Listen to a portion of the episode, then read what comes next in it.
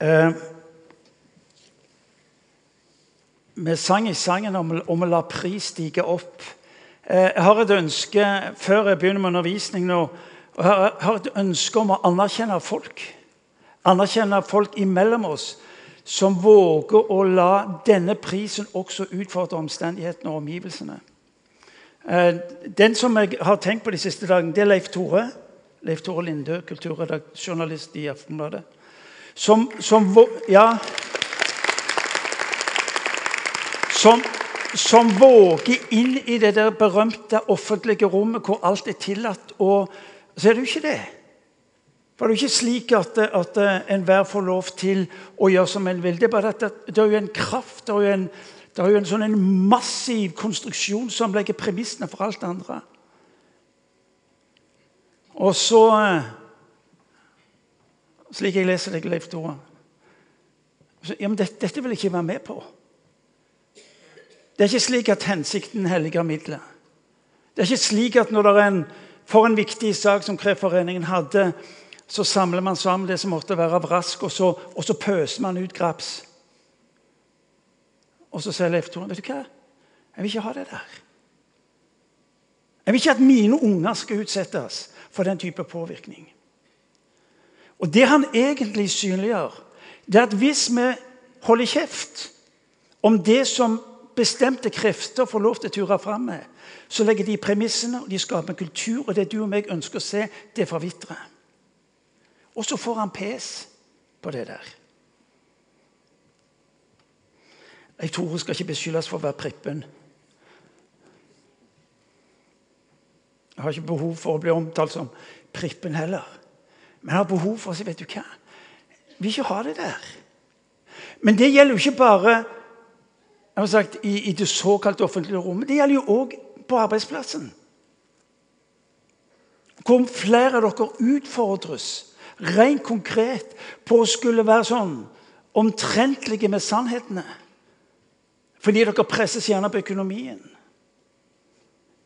Jeg møter ledere, jeg møter arbeidere så vet du hva, Det er krevende fordi at jeg utfordres på å, å være ærlig med, med anbud osv. Og, og, og så ser vi hvordan vi utfordres på å være dette såkalte lys og salt i denne verden. Det er mye mer behagelig å være sukker.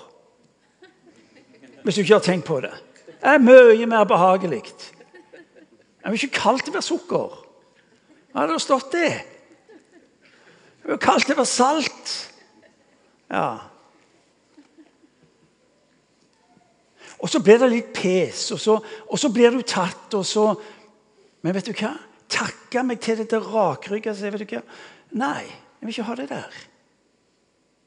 Jeg ønsker at samfunnet vårt skal være bærer av andre verdier.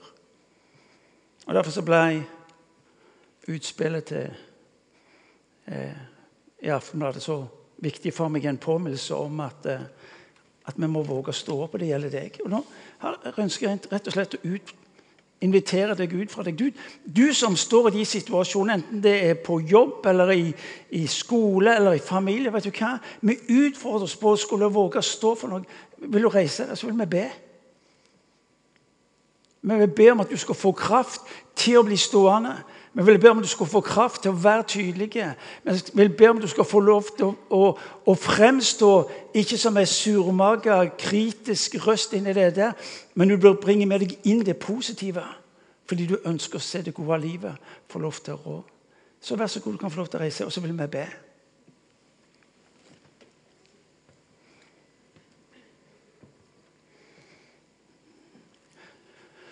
Og, og, her dere står, så vil jeg at dere andre som står, skal vite at vi er bærere av liv. Av et vanvittig liv som vi tror denne verden lengter etter å del i. Og så er det egentlig spørsmålet spørsmål om å la lyset og saltet få lov til å vinne fram på en slik måte at eh, Vet du hva? Det er jo dette vi egentlig ønsker. Det er egentlig dette vi vil ha. Så la oss sammen be for de som har reist seg. Be om at de skal få lov til å være vitner for Guds rike men en slik en måte at det skapes en tørst og en lengsel etter å være med på det som Gud gjør. Far, vi ber om det i ditt navn. Vi ber om det. Herre, velsigne de som står her for ditt ansikt. Du kjenner livene deres, du kjenner eh, ønsket de som har fått lov til å bety en forskjell. For jeg beskytter de mot det trøkket av å skulle bli konforme, som skulle bli tilpassa med omstendighetene, omgivelsene, hva, hva flertallet måtte mene. For Vi ber om å få lov til å være et folk her i Jesus som representerer eh, lys og sannhet. Som setter fri, som skaper det gode, Herre. Jeg ber du skal gi dem visdom og innsikt i å møte trøkket. Jeg ber du skal gi dem visdom og innsikt i å formidle dette Herre Jesus, på en måte som bringer liv, bringer håp, bringer mening. For jeg ber du skal også helbrede, du skal lege, Herre Jesus, på de plasser i livet hvor de kjente at de ikke fikk det til, eller at de opplevde nederlaget. La de få kjenne Gud at de kan få reise seg, og så skal få lov til å fortsette. Far, jeg velsigner de i ditt hellige navn, og jeg ber om at de skal få nåde til å være nettopp her i ditt ansikt, ditt gode ansikt, i de ulike miljøene. Vi tilber deg, Jesus, og vi priser deg, Jesus. Vi heier på de som står. Kom igjen, folk. La oss gi dem en skikkelig klapp.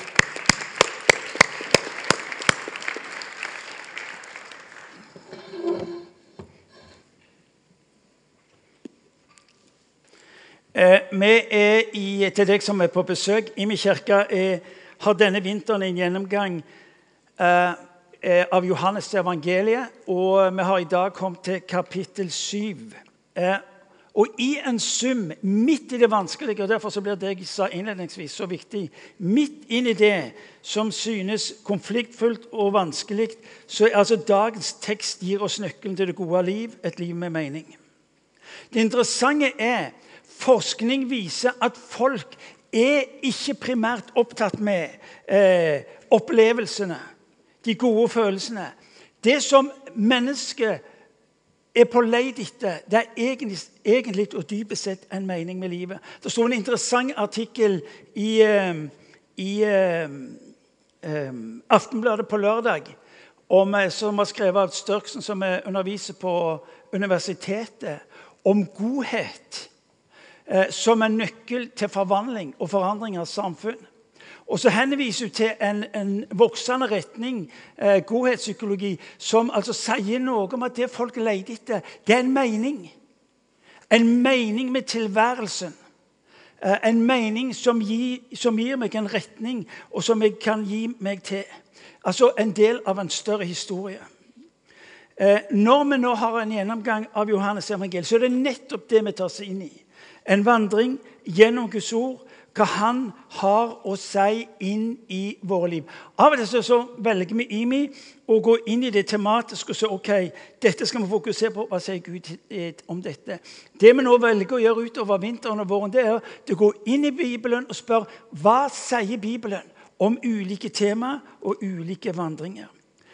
Eh, kapittel 7, som vi skal se på i dag, er altså en ny fase fordi Jesus har hatt fremgang. Det har vært tusenvis av mennesker som har kommet til ham. De har erfart at han holder på med, det er bra. Nå leser vi i kapittel 6 at de trekker seg vekk. Og Til slutt så står han der med en gjeng, eh, tolv eh, menn, som ikke riktig vet hva de mener, men som har egentlig kobla seg så sterkt inntil at de har ikke muligheter for å trekke seg unna. Hvorfor reagerer de? De liker ikke det han sier. De liker ikke det han sier til dem. Eh, Jesus har i kapittel 5 og 6 tydeliggjort for de som følger etter ham, hvem han vil være for dem. Og de sier ah, kom an. Jesus, det vil vi ha. Det vil vi ikke ha. Og så fornærmer de egentlig. Han sier det dere er opptatt med, det er det kortsiktige. Det er det opplevelsesaktige. Det er det som er mat for magen i dag. Men det jeg rekker dere, det er den mat som er for evigheten. Å oh. nei. Vi vil gjerne ha gavene Jesus som du rekker oss, men vi er ikke sikre på om vi vil ha deg. Og så står så vi på sist gang, og så står Kirka plutselig til fare for å bli sånn en Vi, vi, vi blir konsumenter. Vi, vi er på tilbudssida, og, og du, må, du, må, tro på Jesus. Og så Alt dette her får du. Og så er Jesus nei, jeg vil ikke det. Jeg vil ikke være på den tilbudssida. Jeg kommer ikke for å rekke dere en hel masse gaver. Jeg kommer sjøl. Og så vender de han ryggen, og så sier du hva? Dette vil vi ikke høre noe om. Det Jesus gjør, det er at Gud er så opptatt med å passe deg inn i sin verden. For du skal forstå hvem han er. En gang til. En gang til. Der du og meg er opptatt med å passe Gud inn i vår verden, er han opptatt med å ta deg inn i sin. Jeg går nesten med å si 'takke meg til' Å skulle putte vår Herre inn i den boksen som jeg representerer. Så det Jesus utfordrer omgivelsen på, det sier vet du hva? Den boksen du opererer med, den er altfor liten. Jeg har ingen intensjoner om å imøtekomme alt det du måtte ønske. Men jeg har en så dypgående holdning, derfor dør jeg for deg, at du skal bli tatt inn i min verden for å forstå hva du var skapt for født til, frelst til. Og så er det de som da velger å vende den ryggen. Jesus kobler altså troen og livet til, seg, ikke til de ytre tingene. Som jeg sa sist gang, Det betyr ikke at det er under, tegn og mirakler, godhet osv. uvesentlig. Tvert imot. Men hvis det blir fokuset ditt, da mister du det. Veksten i det overnaturlige er en konsekvens av Kristusrelasjonen. Kristus er ikke opptatt med å knytte deg til sine gaver. Han er opptatt med å knytte deg til seg. Hvorfor så viktig? Jo, fordi vår tillit skal gå til han og ikke til de ytre tingene. så vi på sist. Vår trygghet og hvile er i han, ikke den mat. Enten det var under, tegn og mirakler og alt dette andre som er så bra. Det forgår. For når troen knyttes til de ytre tingene, så står vi i fare for å miste livet. Og så vender de han ryggen. Det var det vi snakket om sist gang. Det tilpasser seg. Og så er dagens tekst den tar oss inn i høstfesten, eller løvhyttefesten. Eh, løvhyttefesten ble feira høsten i Israel hvert år. Eh, og er ca. seks måneder før påske. Denne festen eh, hadde tre ulike elementer. På den ene sida var den en påminnelse om Den var et uttrykk for at eh, de skulle huske historien da Israel vandra i ørkenen i 40, dag, i 40, år. Og På den andre sida representerte den også innhøsting. Det var en påminnelse om, om, det som var skapt, om det de hadde fått lov til å dyrke, og om det de hadde fått lov til å høste inn. Men den tredje tingen som fulgte løvehyttefesten, det var at det var vokst fram en, eh, en sterk Messias-forventning. Dvs. Si, han som skulle komme tilbake. Vi leser om det i nei, Johannes evangeliet kapittel 7. og La oss ta det med oss innledningsvis. Eh, Jesus, Det står i kapittel 7, vers 1 eh, Jesus, Siden dro Jesus omkring i Galilea. Han ville ikke være i Judea, for jødene sto han etter livet. Det var like før løvhyttefesten, en av jødenes høytider. Og mens da Israel og store deler av folk i Israel er opptatt med å dra opp til Jerusalem for å feire løvhyttefesten, så sier Jesus nei, jeg vil ikke dra. Eh, for Jesus visste at det sto strid om livet hans. Eh, det som fulgte løvehyttefesten, samlingen, det var at når folk var kommet til Jerusalem, så hadde de et bestemt ritual. Eh, de gikk hver morgen til Siloadammen, og så tok de opp en, en, en bøtte eller kar med vann, og så tok de det til alter i tempelet. Og så helte de dette vannet over i to fat som sto ved tempelet, som uttrykk for livet som Gud lot flomme over israelsfolket. Men den siste dagen, altså den syvende dagen, så går altså presten med dette karet syv ganger rundt alteret. Og Det er et symbolsk uttrykk for det israelsfolket gjorde i sin tid da de gikk rundt Jeriko. Og når han og presten har gått rundt syv ganger, så er det nesten som du aner eh, klimaks. For i det øyeblikket skal Messias stå fram som Israels redningsmann og forløser. Jesus sier, Da brødrene sier til han innledningsvis burde ikke du dra opp til eh, Jerusalem og være med på denne festen. Dra bort eh, eh, Brødrene sa da til ham i vers 3.: Dra bort herfra og reis til Judea, så også disiplene dine kan få se de gjerninger du gjør. For ingen som vil bli kjent, gjør noe i hemmelighet. Når du gjør slike gjerninger, så stå fram for verden. For heller ikke brødrene hans trodde på ham. Det interessante er Jesus møter ulike former for holdninger til ham. Det er de som vil ta livet av ham. Det er de som ikke tror på ham, hans egne brødre. Og så er det de som er forvirra. Jesus snakker om at eh, nei, brødrene Jesus sier du må, du må eksponere deg. Og Jesus svarer, og så sier han nei. Jesus sa til dem, 'Min tid er ennå ikke kommet, men for dere er det alltid rett tid.' Verden kan ikke hate dere, men meg hater den fordi jeg vitner om at verdens gjerninger er onde. Dere kan dra opp til høytiden, jeg drar ikke, for min tid er ennå ikke inne. Du ser bildet for deg. Det er en stor fest som er på gang. Det er tusenvis av Israels folk som er på vei til Jerusalem for å feire løvehyttefesten. Brødrene sier til han, Jesus dette er en glimrende mulighet til å eksponere det du står for. Og Jesus sier nei. Det er ikke der jeg er. Jesus kommuniserer to ting ved denne måten å tenke måten å, å fremstå på. Jesus sier jeg er under ledelse. Han sier min tid har ikke kommet.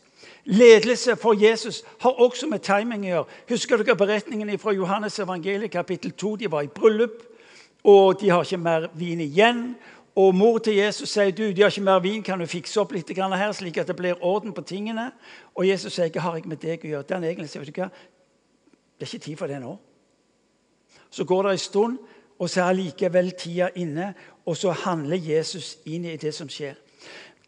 Når Jesus eh, skal leve ut det han har for eh, Guds rike og for mennesker, så følger han en plan. Tiden er ikke inne. Eh, Jesus sier til brødrene dere har alltid tid, dere, fordi det er tilfeldigheten som styrer dere. Dere har alltid tid, sier han, fordi det er tilfeldigheten som styrer dere. Tida er ikke inne, sier Jesus. Jesus er under lederskap fordi han skal leve ut, og måten han skal berøre. Og der, der eh, brødrene så muligheten for eksponering, der visste Jesus at problemene ville ligge. Så definerer ikke Jesus hva han skal gjøre i henhold til det som måtte være den vanskelige situasjonen, eller det som utfordrer på livet. Og dette skal få lov til å tale til deg og til meg. Når du og meg skal gjøre valg, så definerer vi ikke ut ja, blir dette vanskelig eller ei. Blir dette noe som skaper konflikt eller ei? Vi skal være kloke vi skal være vise, ja. Men Jesus definerer ikke hans egen måte å leve på i henhold til hva omgivelsene måtte innebære. Han handler fordi han er under ledelse. Og så i vers eh, 16 og 17 så sier han Min lære er ikke min, men kommer fra Han som har sendt meg. Den som vil gjøre Hans vilje, skal skjønne om læren av Gud, eller om jeg taler ut om, av meg selv. Det Jesus er opptatt med å si til deg, vet du hva? Det handler ikke om meg. En gang til. Jesus i sitt vitnesbyrd sier det handler ikke om meg, men det handler om Han som har livet, og som er verdens herre. Uhyre interessant. Når Jesus trer inn i det vanskelige, så er det to ting han har oppe. Det sier han jeg er under ledelse, og det handler ikke om meg. Det skal få lov til å være din og min holdning i møte med det som utfordrer oss. Både når det gjelder det vi berørt innledningsvis, men også i livet. Du og meg under ledelse. Han har sagt 'Jeg skal la mitt nærvær gå foran deg'. Han snakker om at jeg har lagt ferdiglagte gjerninger foran deg. Han sier altså du under ledelse, det skal få lov til å være din trygghet. Jo, fenomenalt. I en verden som er så kaotisk og så forvirrende, så skal du få lov til å vite Han har sagt han vil lede med sin ånd.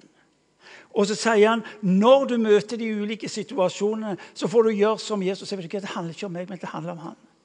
Det handler om han. Så står altså Jesus der i Matteus nei, Jonas evangeliet, kapittel 7, vers 37. på den siste dagen i høytiden, når forventningen er som sterkest, så sier han på den store festdagen sto Jesus fram og ropte den som tørster, skal komme til meg og drikke.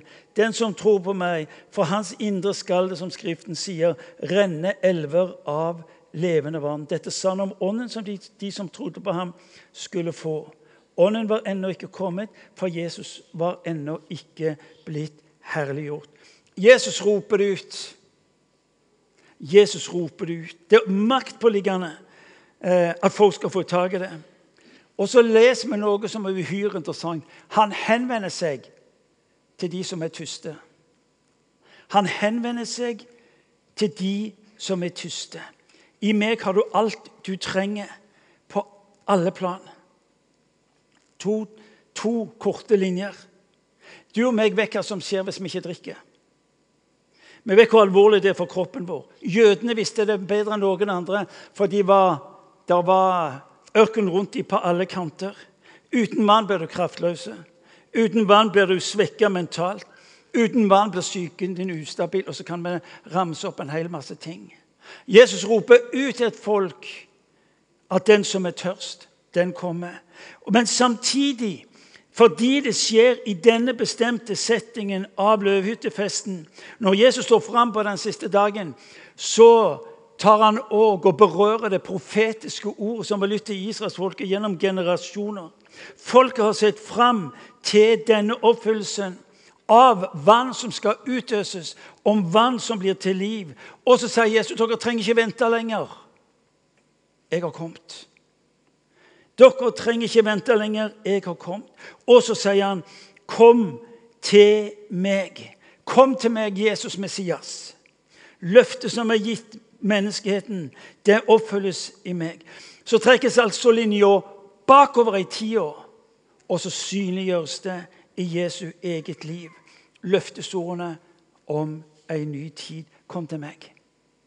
Det, det, er så enkelt, og noen vil si det er for enkelt, men deri ligger hele kirka sitt budskap. Kom til Han. Kom til meg, kilden. Kom til meg, koblingspunktet for himmelsk nærkontakt. Eh, kom til meg. Eh, han er her, sier vi. Men er du her? Han er her, men er du her?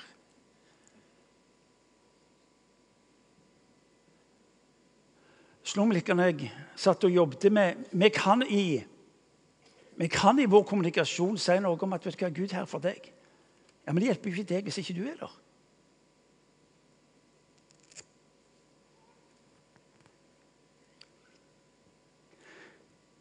Han går ifra og sier noe om at du som er tyst, kom til meg.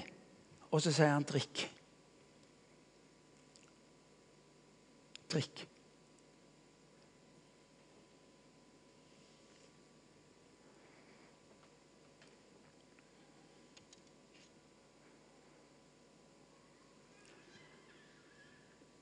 Kirkas folk deles egentlig i to grupper. Det er de som er tyste, og så er det de som ikke er tyste. De som er tyste, de drikker. De som ikke er tyste, de drikker ikke. Han sier 'du som er tyst'. Han, han spør ikke hvem, etter hvem som er kvalifisert. Han spør ikke etter hvem som har gjort seg fortjent. Han spør ikke etter hvem som holder mål. Han spør er du tyst.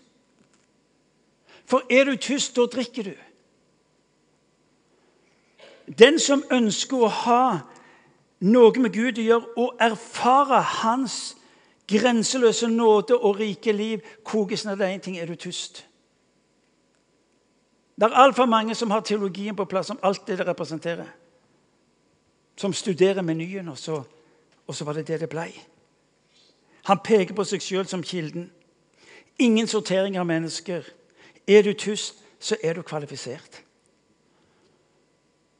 Ja, men du skulle bare visst det. Det er ikke spørsmålet. Hvorfor er det så viktig? Jo, fordi at hvis jeg er tyst og tar inn og drikker, så åpner jeg meg for hvem han er, og hvem han vil være i ditt og mitt liv. Drikker du? For drikker du, så vil du få fokus. Du vil få hjelp til å forstå, du vil få hjelp til å handle på det du ser som du kjenner Gud gir deg. Den som tror på meg. Hva er tro? Og nå må du få tak i dette her. Tro er respons. Vi har gjort tro til ei greie som hviler på oss. Vi har gjort tro til spørsmål om oss. Vi har gjort tro til spørsmål om eh, får det til. Og... Tro er respons. Tro er å ta imot. Jeg vil si, Troen sitter ikke hos deg, den sitter hos han. Jeg elsker å bruke formuleringen når folk sier at ja, jeg, jeg, jeg, jeg, tror ikke jeg. Så sier, sier en ja, men det er ikke farlig, for Jesus tror på deg. Tro er min respons på det han gir meg. Vi har gjort det til et spørsmål om oss, hva vi kan prestere. Tro er reaksjon på Guds inngripen. Tro er å omfavne det Gud gir oss. Tro er å la Gud få lov til å være Gud i livet ditt. Ja, Det er skremmende for mange. Det er jeg. Men la oss for alt i verden ikke gjøre troen til en prestasjon når den dypest sett er en reaksjon og en relasjon. Det er godt sagt.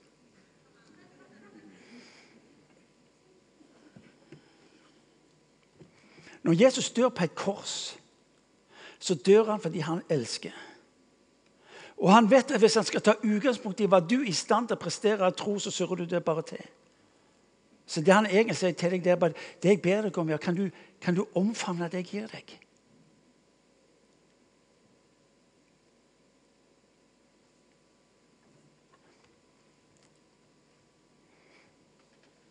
Den som tror på meg. Et par linjer om tro. Hva, hva, hva er tro? Jo, sa jeg, tro er respons. Hva er det motsatte av tro? Jeg spurte noen gode venner om det òg. fikk mange gode svar. Det var bare av de, et som var riktig. Ja, Motsatt av tro det er vantro. Vantro jeg vil ikke tro, sier jeg. At noen sier tvil er troens motstykke. Å nei, langt ifra. Vi takker Gud for tvilen fordi den får lov til å være en viktig del av livet vårt i vår prosess mot modenhet og forståelse. Altså, Jeg kjenner mange jeg, som er så i tvil om det flyet de nå går inn på, om det klarer å ta dem fra et sted til et annet. Men de går om bord for de har tillit til og de har hvile i og tro på.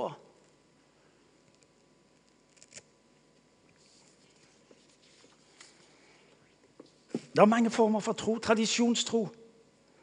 Hva mener de andre? Hva mener organisasjonen min? Det var en som sa det sånn Jeg bryr meg egentlig ikke så mye om å mene noe. For det at det lederne mine mener i organisasjonen, det mener jeg òg. Det er mye dynamikk i det. Forvirra tro. Det står i teksten det var mye forvirring i Jerusalem på disse dager fordi at Jesus passer ikke inn. Hva er troens motstykke? Troens motstykke er likegyldighet. Troens motstykke er likegyldigheten. Det motsatte av tro. Dette var israelsfolkets forbannelse.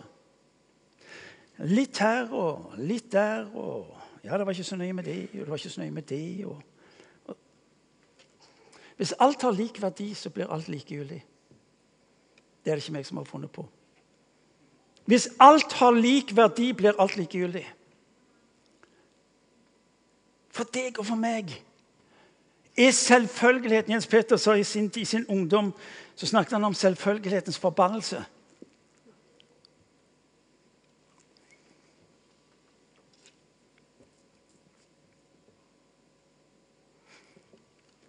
I en materialistisk kultur er likegyldigheten troens største fiende. For vet du hva den fører til?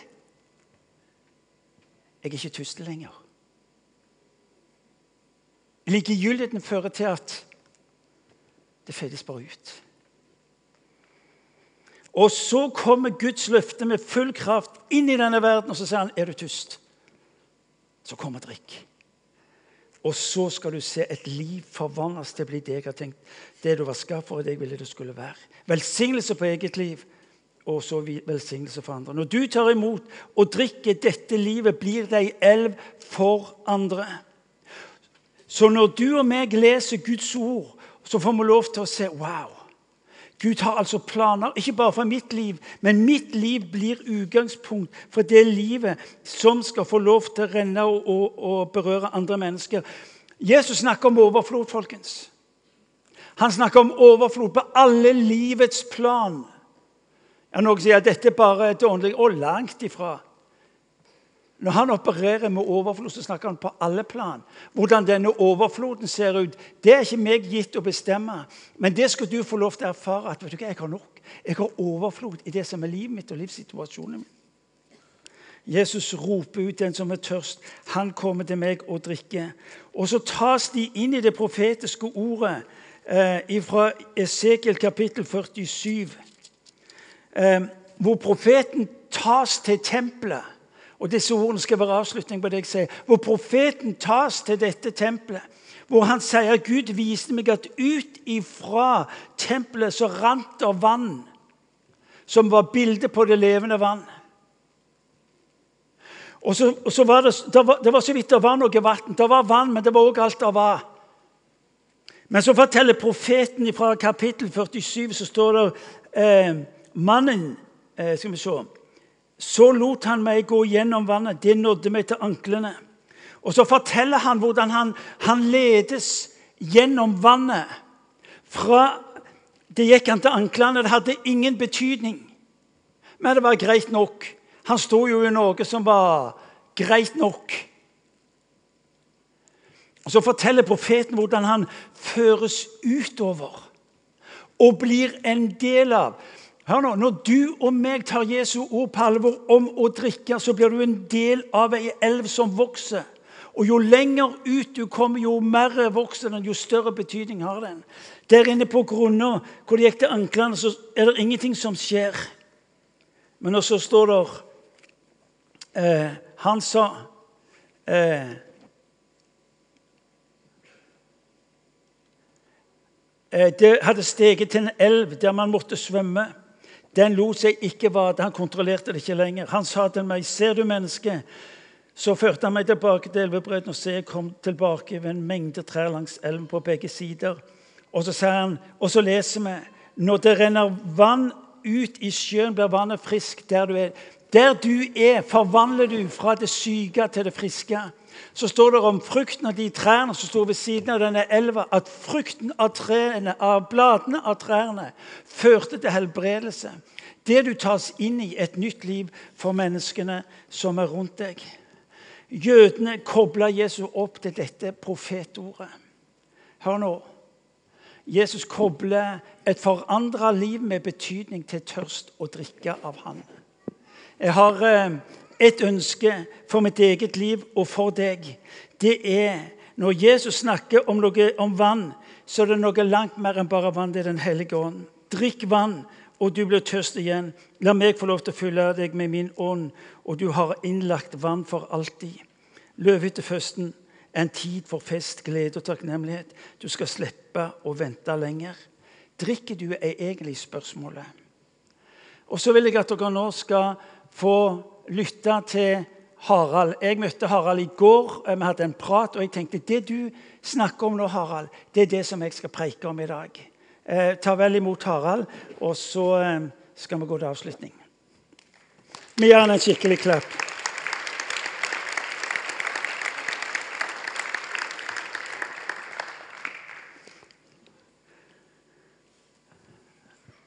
Harald, et, et par ord. Hvem er du? Ja, jeg heter Harald Skartveit. Jeg er 47 år. Kommer fra Randaberg. Gift med Linda og har to barn. I høst så begynte du på uh, instituttet. I min kirke har altså en bibelskole. Vanlig bibelskole så har det institutt som da er uh, høgskoleutdannelse. Et samarbeid med Misjonshøgskolen. Du begynte på instituttet. Hvorfor gjorde du det? Ja, um for 30 år siden så gikk jeg på gymnaset rett over veien her på St. Svithun. Og min historielærer snakket alltid om at enhver hendelse i historien har en mange dypereliggende årsaker og en utløsende årsak. De dypereliggende årsakene de var på veldig personlig plan. Jeg hadde veldig behov for indre helbredelse. Um. Livet hadde vært tøft på mange måter. og ja.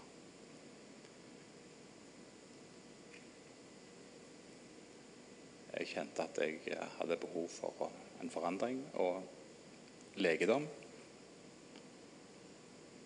Og jeg og så går jeg i en bibelgruppe eller en mannsforening. Der hadde vi ei bok som heter 'Jesus som forbilde', skrevet av to herrer som heter Kay og Ellingsen. Og Der er det et kapittel om ei unge jente fra Nord-Norge som møtte Gud på en sterk måte på Akta bibelskole. En forferdelig historie til å begynne med, men en utrolig historie om hvordan Gud kan reise opp et menneske.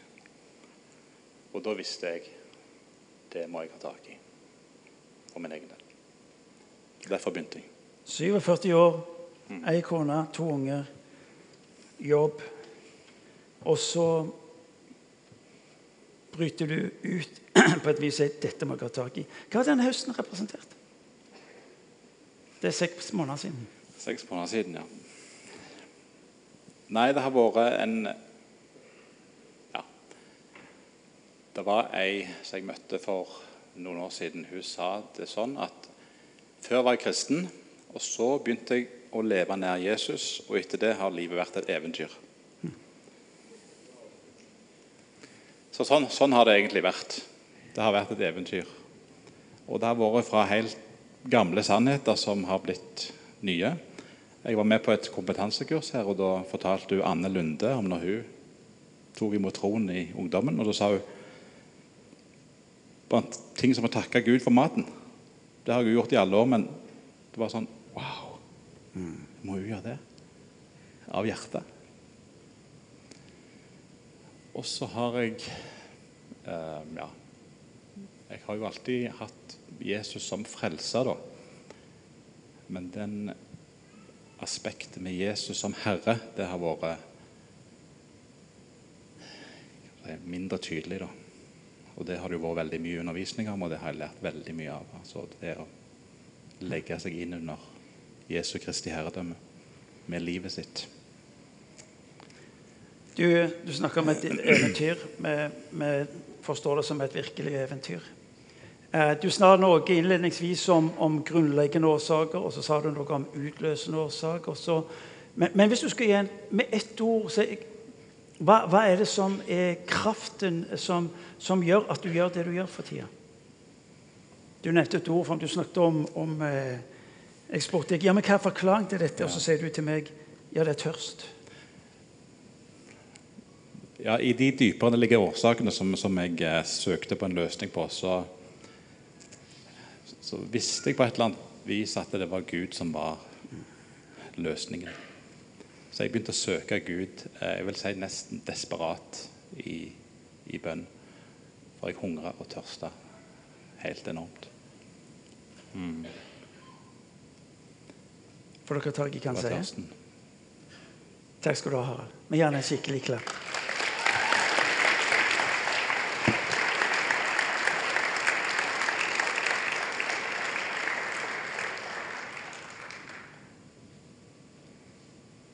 drikker du? Harald, desperat. Og så sier han at det har gått ifra å være normalt ordinært til å være et eventyr. Ja, det er ikke sikkert du får høre at Harald har sånne sterke trosgaver eller har gjort noen sånne spesielle kristelige saltomortaler. Jeg, jeg tror ikke han har gjort det. Han koker den der tingen. Han sier at 'jeg har begynt å drikke'. Jeg har begynt å drikke. Hvordan kan jeg drikke? Jo, hvis tro er respons, så blir tro relasjon. Og så skapes det forventning og tillit. Da må jeg være der hvor Gud handler, og så melder han seg inn på instituttet. Og så tar han og møter opp på de plassene hvor han vet at her kan jeg få lov til å drikke. Det som er mitt mål med denne formiddagen, det er at du skal våge å begynne å drikke. for å oppdage at det han lover på ditt liv, en elv av velsignelse innad og utad, skal være med på å forvandle ditt liv. Eh, kan jeg be dere om å reise dere?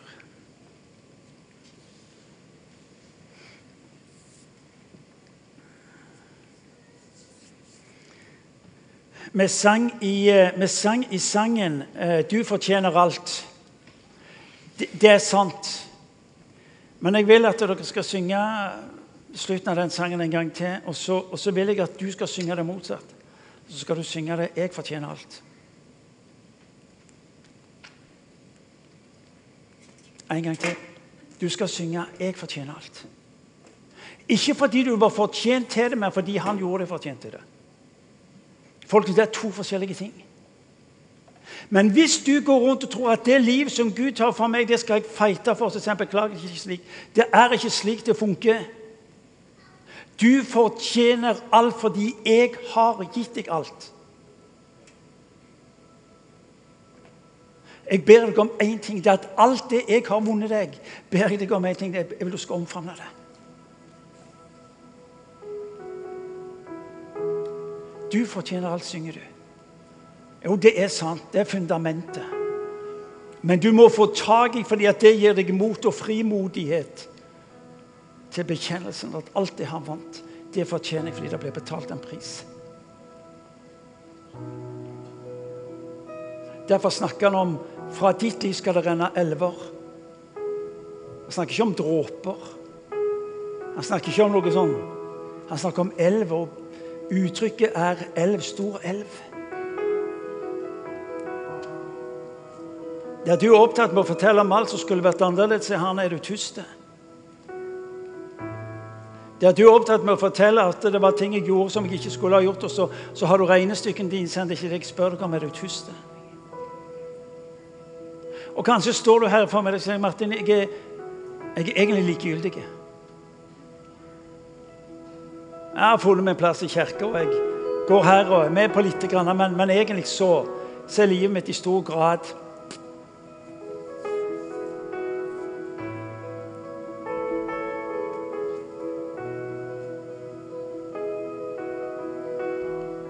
Harald har et vitnesbyrd som gjør et sterkt inntrykk på meg.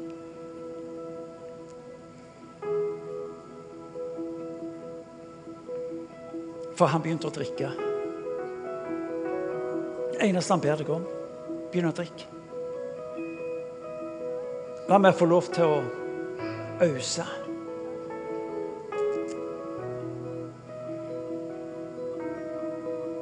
Så har vi fasteuka som begynner på mandag Så har vi gudstjenesten, gudstjenesten som ligger foran oss.